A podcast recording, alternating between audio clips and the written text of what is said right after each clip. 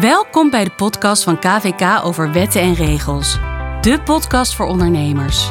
In deze aflevering gaan we dieper in op de veranderingen in de ondernemersaftrek per 1 januari 2020. Vandaag de gast Sylvester Schenk, directeur Fiscale Zaken, Register Belastingadviseurs. Met uw host Johannes van Bentum. Leuk dat je luistert. Ik ben Johannes van Bentum. Bij mij aan tafel zit Sylvester Schenk. Welkom, Sylvester. Zullen we maar meteen starten? Veranderingen in de ondernemersaftrek. Ga jij straks meer belasting betalen?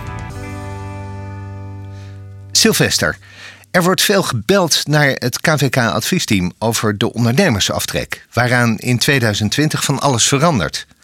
De naam ondernemersaftrek doet vermoeden dat het voor alle ondernemers is. Maar klopt dat wel? Ja, um, klopt dat voor alle, of geldt dat voor alle ondernemers? Dat is inderdaad de vraag. Uh, ik denk dat het nog wat ruimer is. Het geldt niet alleen voor ondernemers, het geldt ook voor een aantal particulieren.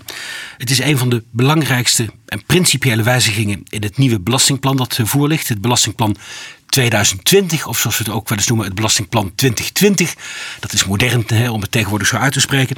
Uh, en een van de belangrijke dingen in dat belastingplan is dat aftrekposten op een andere manier in de heffing worden betrokken dan inkomen. Inkomen dat wordt gewoon naar het normale progressieve tarief eh, belast van maximaal ongeveer 50 procent.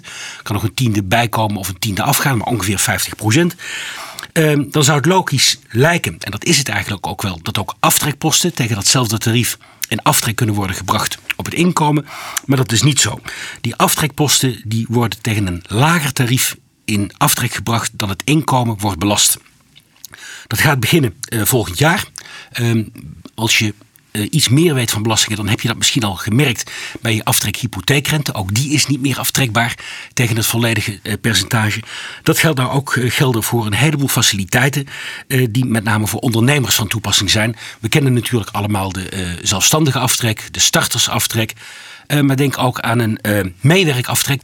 Ehm, die aftrek die, wordt dus minder waard omdat hij tegen een lager tarief in aftrek komt.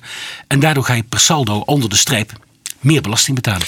Dus het is eigenlijk een verlaging van de aftrek, zowel privé als als ondernemer. Um, misschien moet je het iets zuiverder formuleren. Het is niet de um, aftrek die lager wordt. Want het bedrag dat je in aftrek kunt brengen, dat blijft gelijk. Maar het percentage waartegen het wordt meegenomen, dat wordt lager. Met ja. als gevolg onder de streep een hoger bedrag aan te betalen belasting. Ja, en gaat het over de hele linie omlaag of zijn er een aantal posten waarvoor het, eh, geld, het tarief wordt verlaagd? Ja, het gaat uh, voor een groot aantal posten. Uh, ik noemde net al de voor ondernemers belangrijkste: uh, de zelfstandige aftrek, de meewerkaftrek. Um, en zo zijn er nog een aantal meer te bedenken. Eigenlijk de enige belangrijke aftrekpost voor ondernemers die de dans ontspringt, die gewoon wel tegen het normale tarief in aftrek gebracht kan blijven worden, dat zijn de uh, aftrekposten voor inkomensvoorzieningen, uh, kort gezegd de lijfrente. En dat is ook logisch. Uh, lijfrente die wordt tegen dat progressieve tarief belast. Dan zou het vreemd zijn dat je de inleg, de premie, dat je die tegen een lager tarief zou kunnen aftrekken. Maar al die andere zaken die voor ondernemers van belang zijn, die worden tegen een lager percentage in aftrek gebracht. Ja. Gaat iedereen dat ook meteen volgend jaar merken?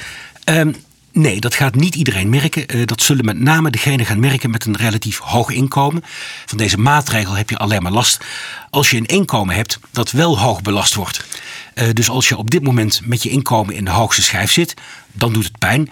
Heb je een um, lager inkomen dat uh, niet uitgaat boven de grenzen van die lagere tarieven, dan verandert er voor jou eigenlijk niks. Dus het is met name een maatregel die de hogere inkomens pijn zal gaan doen en die de komende jaren eigenlijk alleen maar uh, meer pijn zal gaan doen, omdat het aftrekpercentage stapsgewijs met stapjes van, ik dacht 3% uh, afgebouwd gaat worden, tot je uiteindelijk uit zult komen op een aftrek van 37 procent. Ja.